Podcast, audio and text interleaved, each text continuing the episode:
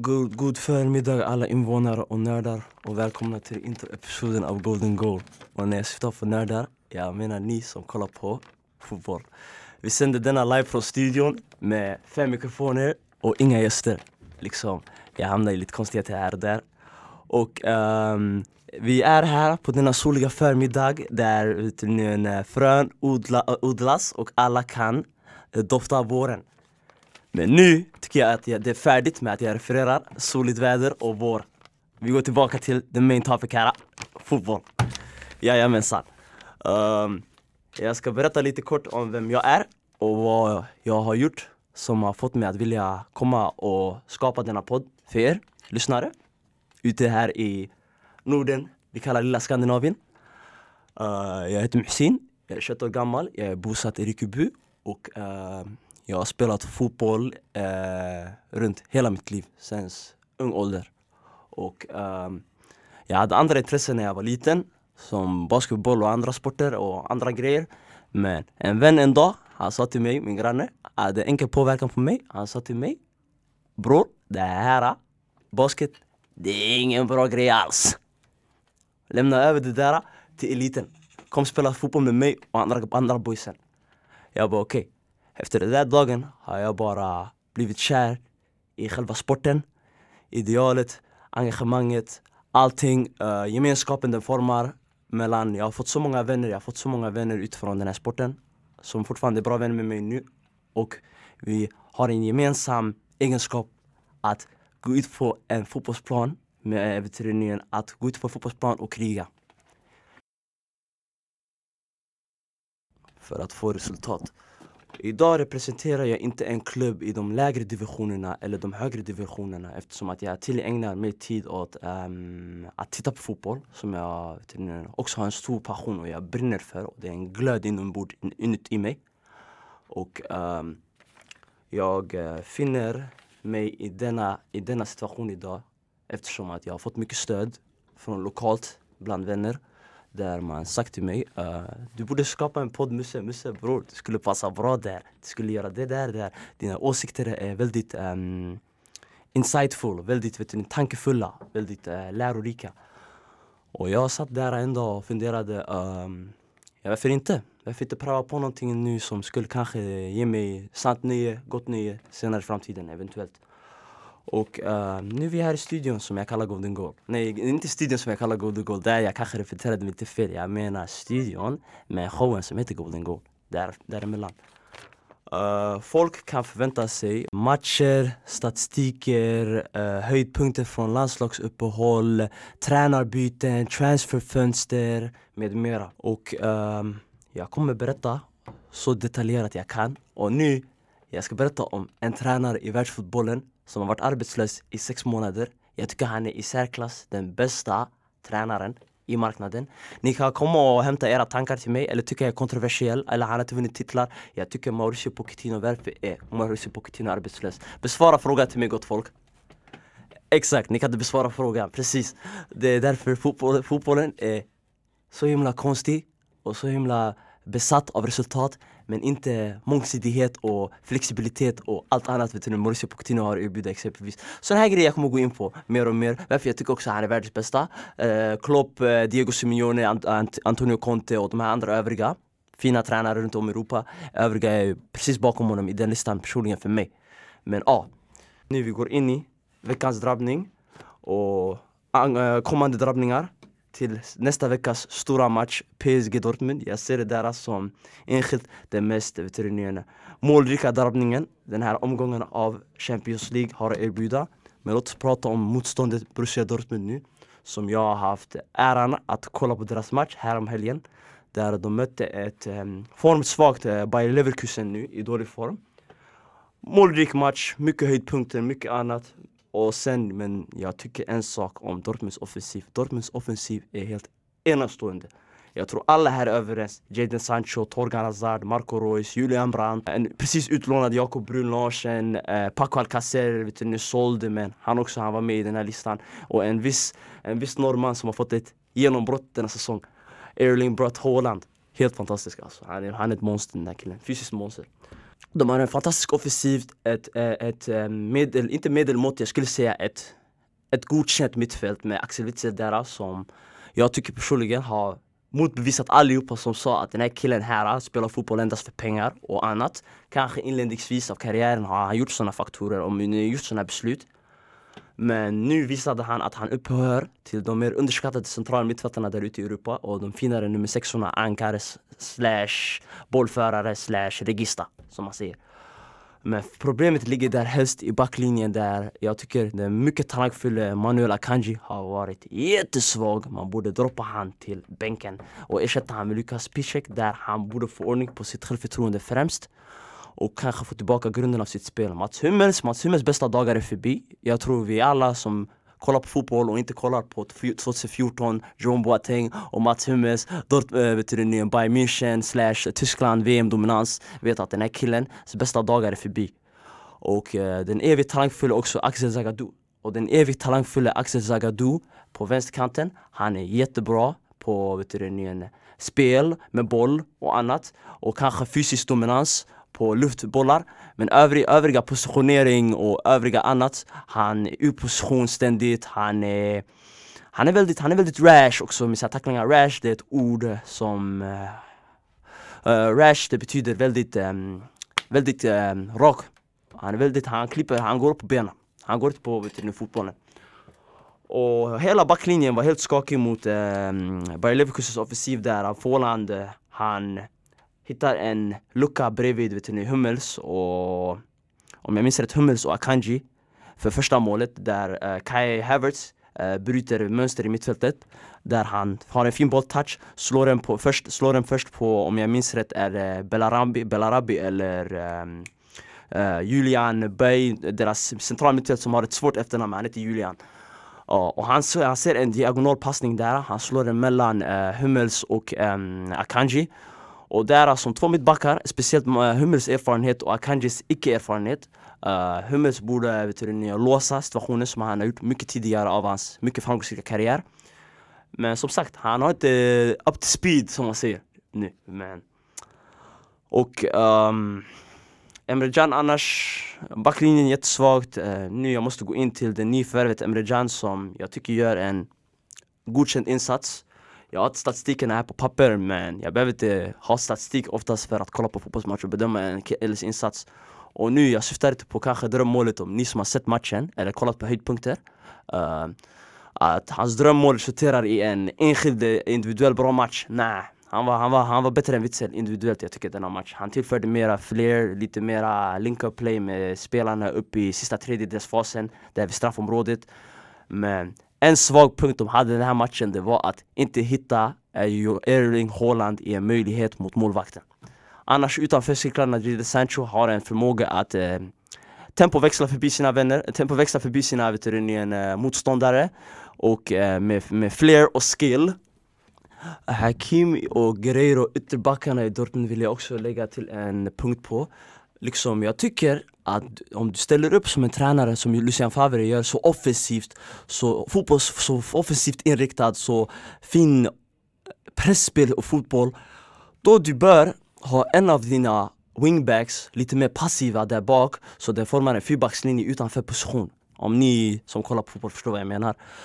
Um, Men nej, det är inte så i det här fallet nu. Guerrero droppade av lite för Hakimi är lite mer offensivt inriktad och nu måste jag prata om Hakimi vilken säsong den där grabben gör, för fan. Jag tycker han, var, jag tycker han har varit enastående faktiskt när vi snackar offensiva kvaliteter. Kolla bara på Inter-matchen, Dortmund-Inter, när, Dortmund, när Inter i Champions League i gruppspel, där Inter ledde 2-0, eh, komfortabelt första halvlek efter Vesino mål och Lautaro Martinez, som också, jag vill säga, är en fantastisk fotbollsspelare den här säsongen. Um, men andra halvlek så, Hakimi går han loss. Han får vet du, en, offensiv, en större offensiv pjäs en offensivare roll där han går in för att veterinären äh, eh, sätta dit mål och han, gör, han resulterar i att han gör två mål och är inblandad i ett annat mål gjort av, om jag minns rätt, um, om, det, om det är rätt människa nu i det här fallet, Götze. Rätta mig om jag har fel senare, tack så mycket. Men ja, ah, Hakimi gör en fantastisk säsong.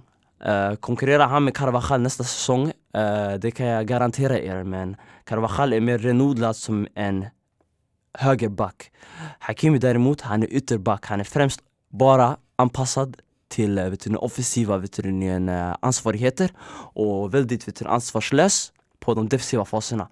Det är därför nu man markerade hans kant denna match mycket där han borde försvara Akanji bakom sig också. Så det blev lite två man på Akanji med överlappsalternativ och annat. Men Akanji också stod för en relativt dålig match.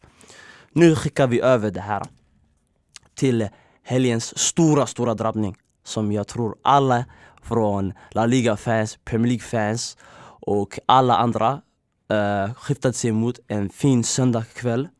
Man sitter hemma kanske med frugan där, kanske dricker en te. De som relaterar relaterar, men jag är inte gift nu, jag skojar bara mer. Uh, kanske du satt där vid tv-skärmen med en Fanta, läskburk, kanske lite eh, ostbågar, lite chips. Och du, och du kollade på den stora drabbningen, Inter Milan. Vilken match! Vilken match den hade att erbjuda. Derby della Maladonna som eh, äh, Gazzetta dello Sport kallar det. Derby de Madonna. Vilken match, vilken match. Jag har inga ord som kan beskriva. Jag tycker, eh, jag tycker att den här matchen berättade om lag med två helt olika eh, inställningar för säsongen. Och um, kvaliteterna var helt annorlunda. Men det var, en halvlek av två, det var en halvlek av två vet personligheter. Första halvlek ser vi Milan där komma ut i spel, spelfasen, har mycket boll, inte är väldigt passiva, släpper ner sina wingbacks som var, om jag minns rätt, Ashley Young till vänster och um, Antonio Candreva till höger som jag tycker stod också för en relativt dålig match om jag är ärlig. Um, de flyttar ner dem till en fembackslinje så de lämnar de tre manna mittfältet där som är Brozovic, Barella, Vesino och Vesino lite mer offensivare. Att man spelar Vesino i start men ska ha Vesino mer i offensiva fasen och spela istället för att spela passivt. När hans främsta förmågor består av boll, eh, bollvinst och bollrecoveries. Som bollhämtningar på offensiv planhalva eller vet du, taktiska fouls som vi kallar det. Um, där man köper sitt lag lite med tid när han gör en tredragning eller annat. Never mind det där eh, med Vesino. Uh, ehm, Skriniar, De Vrij och Diego Godin. Alla i mina ögon klass högre elit än försvarsspelare hade problem med en 38-årig Zlatan Ibrahimovic. Denna mannen, han kan göra allt. Han kan gå till La Liga nu och mosa försvarare i Getafe. Kan gå till eh, stranden i, jag vet inte, Indien. Väldigt irrelevant det jag sa men Indien. Han kan göra kaos där. Han, han skapar oreda vart han hamnar med sin vinnarskalle, sin, sin fotbolls-IQ, sin ah, uh, at, atleticism, som man säger på svenska. Uh, hans atletiska förmågor att viga vet du, kroppen och bända och klacka och sparka och grejer. Och han har fått en, han har fått en, uh, han har fått en rivstart på det här Milan nu. Spelmässigt, han har fått, han har fått dem att få resultatet. Fem vinster på åtta matcher om jag minns rätt, eller sex vinster på åtta matcher. Därav eh, precis förlusten kom mot det här eh, titel, titelkandidaten Inter och eh, en kryss mot Sampdoria tidigare i den återkommande debuten från honom. Och han har, fått, han har fått igång de här medspelarna bredvid sig. Chaganoglu spelar drömfotboll just nu. Däremot andra halvlek, vet du, han fick inte frihet. Han vann, inga, han vann inte vet du, andra bollar för Brozovic var på honom mycket, passi, mycket vet du, aggressivt andra halvlek. Och alla runt omkring honom, Ante Rebic nyter av sin boll igen.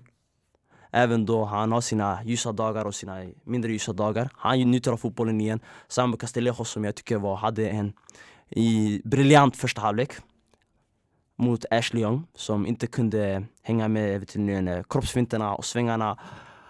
Samu Castillejo är väldigt lik Di Maria på sättet hur han viger kroppen och viker in för att slå ett inlägg från högerkanten med sin, med sin fina vänsterfot.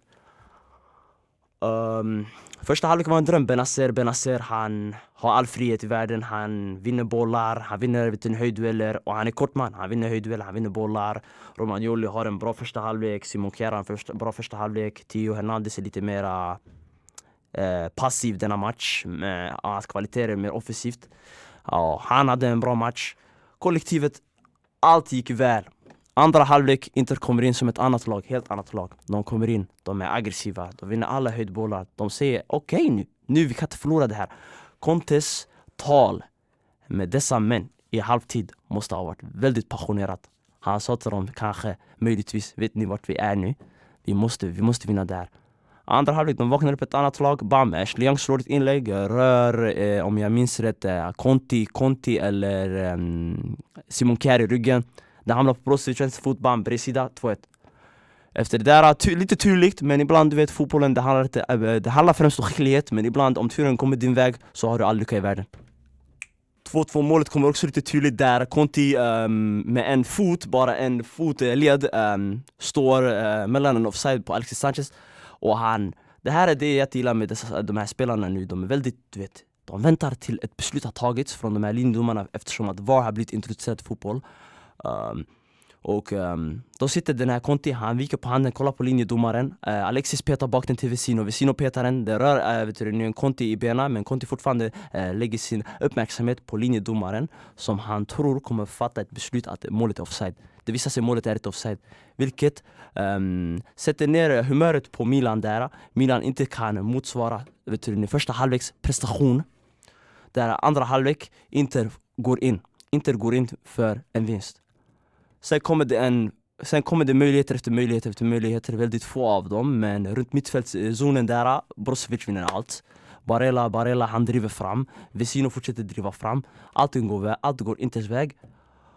Bam! 3-2 kommer från en Kandreva hörna där Simon Kjær nu tappar hel koncentration på De Vrij. De Vrij blir helt tom i mitten. Han viker sitt huvud och han är en bra huvudspelare. Han viker sitt huvud, han nickar den åt sidan. Och en hel Giuseppe Miasa, den går upp i, vet ni, vid sidan av vet ni, målet. Och hela Giuseppe Miasa kokar. Hela Giuseppe Miasa kokar. Där, Inte, inte det där de vann till schackspelet, där den mentala biten. Där Efter det där, eh, Milan kom inte direkt, direkt till spelet, humöret kom ner, folk blev lite sura bland annat, bla bla bla, bla. Det kan man säga. Och um, det kom en möjlighet för eh, Milan som jag kan säga att eh, efter man tog ut veterinären, om jag minns rätt, Samu Castellejo för Lucas Paqueta. Paqueta han kommer på veterinären, eh, vänsterkanten där, han slår ett inlägg. På vid sidan av boxen, där står den stora, starka, evige bjässen Zlatan Ibrahimovic. Han ger skrinjar, han vinner skrinjar på höjdduell, han ger han en liten en knuff där lite i ryggen. Och han träffar stolpen det här visar bara att den där dagen, den där dagen där inte skulle bli resultera i något vidare lycka för Milan där Eftersom att den stor presterande spelaren den där matchen, den där matchen inte kunde vet du, sätta dit vet du, den här kvitteringen. I andra, I andra fasen, i slutskedet av matchen, Vesino står i kanten, ska slå ut bollen till, nej, ska, ska vet du, dröja ut matchen till slutsignal. Han ser Victor Moses framför sig, han slår den på Victor Moses. Victor Moses, Victor Moses eh, kanske andra, tredje bolltouch Han slår ett jättefint inlägg med bra höjd på en viss Romelu Lukaku där i boxen Som jag tyckte var relativt, eh, inte motsvarade kanske folks förväntningar Men han gjorde ett starkt, starkt, eh, stark, stark prestation där i slutet där han nickade in den där bakom med lite mer styrka. Vigde ner Simon lite med kraft och nickade den vid sidan av. Så um, Milan främst, de har ingenting att kämpa för den här säsongen. Om de inte satsar på Europaspel Hellre att de inte satsar på Europaspel, hellre att de går in i cup, eh, cupmatcherna och kanske vinner en cup och sen försöker bara vinna resterande matcher. Men den här säsongen relativt har varit misslyckande. Inte däremot nu är med i titelstriden och precis bakom dem har vi ett fint Lazio. Men det där tänkte jag ta till en annan episod, min, eh, mina vänner, mina damer och herrar. Um, Nu får vi gå över till um, La Liga lite snabbt och berätta om en nybliven svensk där som eh, har haft en drömvecka. Inblandad i fyra mål i Santiago Bernabéu och eh, avgjorde ett derby på 35 minuter samt är inne i en livsform just nu, inne i 14 mål i säsongen och med i tidningen för kanske bäst presterande spelare just nu den här veckan och omgångens lag, eh, Marca, eh, Alexander Isak. Um, jag tycker den här grabben här, utvecklingen han har, vet du, nu, den, har, den, har, den har inte stagnat utan däremot tvärtom. Den har vet du, den utvecklats enormt. Och um, han, ett år sedan innan, satt i reserverna i Dortmund där han sprutade in mål och Lucien Favre såg inte någon tydlig potential i killen.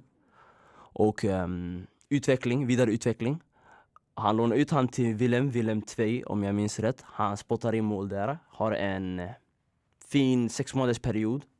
Eh, Willem II har inte eh, pengarna för att eh, eventuellt förhandla med Dortmund eller ge dem det de söker för att utveckla honom och sen kunna sälja tillbaka honom.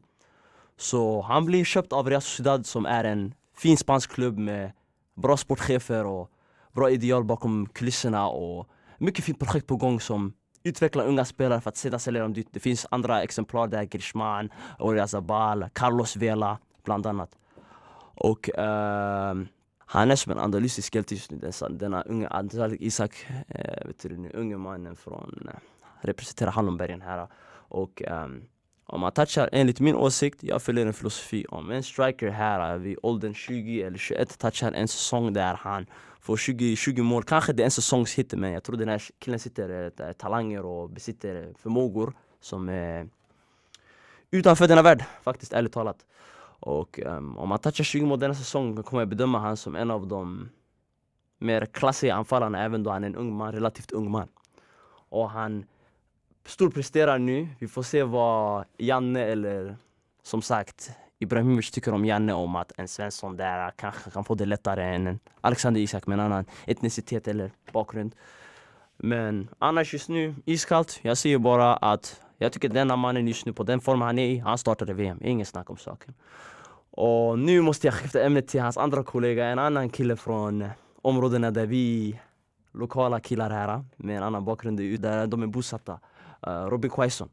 Omgångens spelare. Vi, uh, vi avslutar detta avsnitt med att beskriva Robin Quaison just nu. Han, ligger på sitt, han gjorde sig precis sitt andra hattrick i ett jättesvagt mind som brister mycket där. Det är väldigt svagt försvarsspel. Um, relativt svagt mittenlag jag skulle säga som riskerar att åka ut varje år men en Quaison som en av de ljuspunkterna som i varje match är väldigt entusiastisk, optimistisk med sitt kroppsspråk och ständigt är ett hot mot oanvända motstånd om det är Dortmund eller relativt um, en Werder Bremen.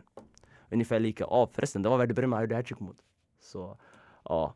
Men Hertha Berlin däremot, de är på väg mot en svacka. Nu det här det var en relativt fin seger. Första målet, han tar emot den, han viker in, han slår den på vet du, högerkanten med sin fina högerskjut, en fin bredsida. Andra målet var en typisk, han försvararen sover, de kollar inte på honom, de kollar inte på hans skugga. Han löps in, han får en boll, han petar in den från två meter. Och sen tredje målet relativt, han står offside, han släpper löpningen, han får en passning, han släpper löpningen till sin vän, hans vän får en kapning och um, han tar straffen och han sätter den iskallt upp i nättaket. Och den här killen här den här killen här, eh, jag tror, han är, jag tror han är redo för en fin flytt. Jag tycker att, jag tycker att han borde spela i ett mer offensivt pragmatlag. Tänk om han hade haft en, en, bättre, en bättre offensiv bredvid sig, en bättre fungerande mittfält med struktur och annat bredvid sig. Kanske han hade kanske gjort 16, 17, 18 mål i en kanske relativt svårare liga också.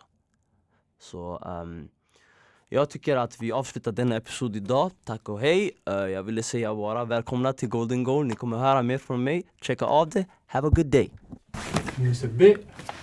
Yeah.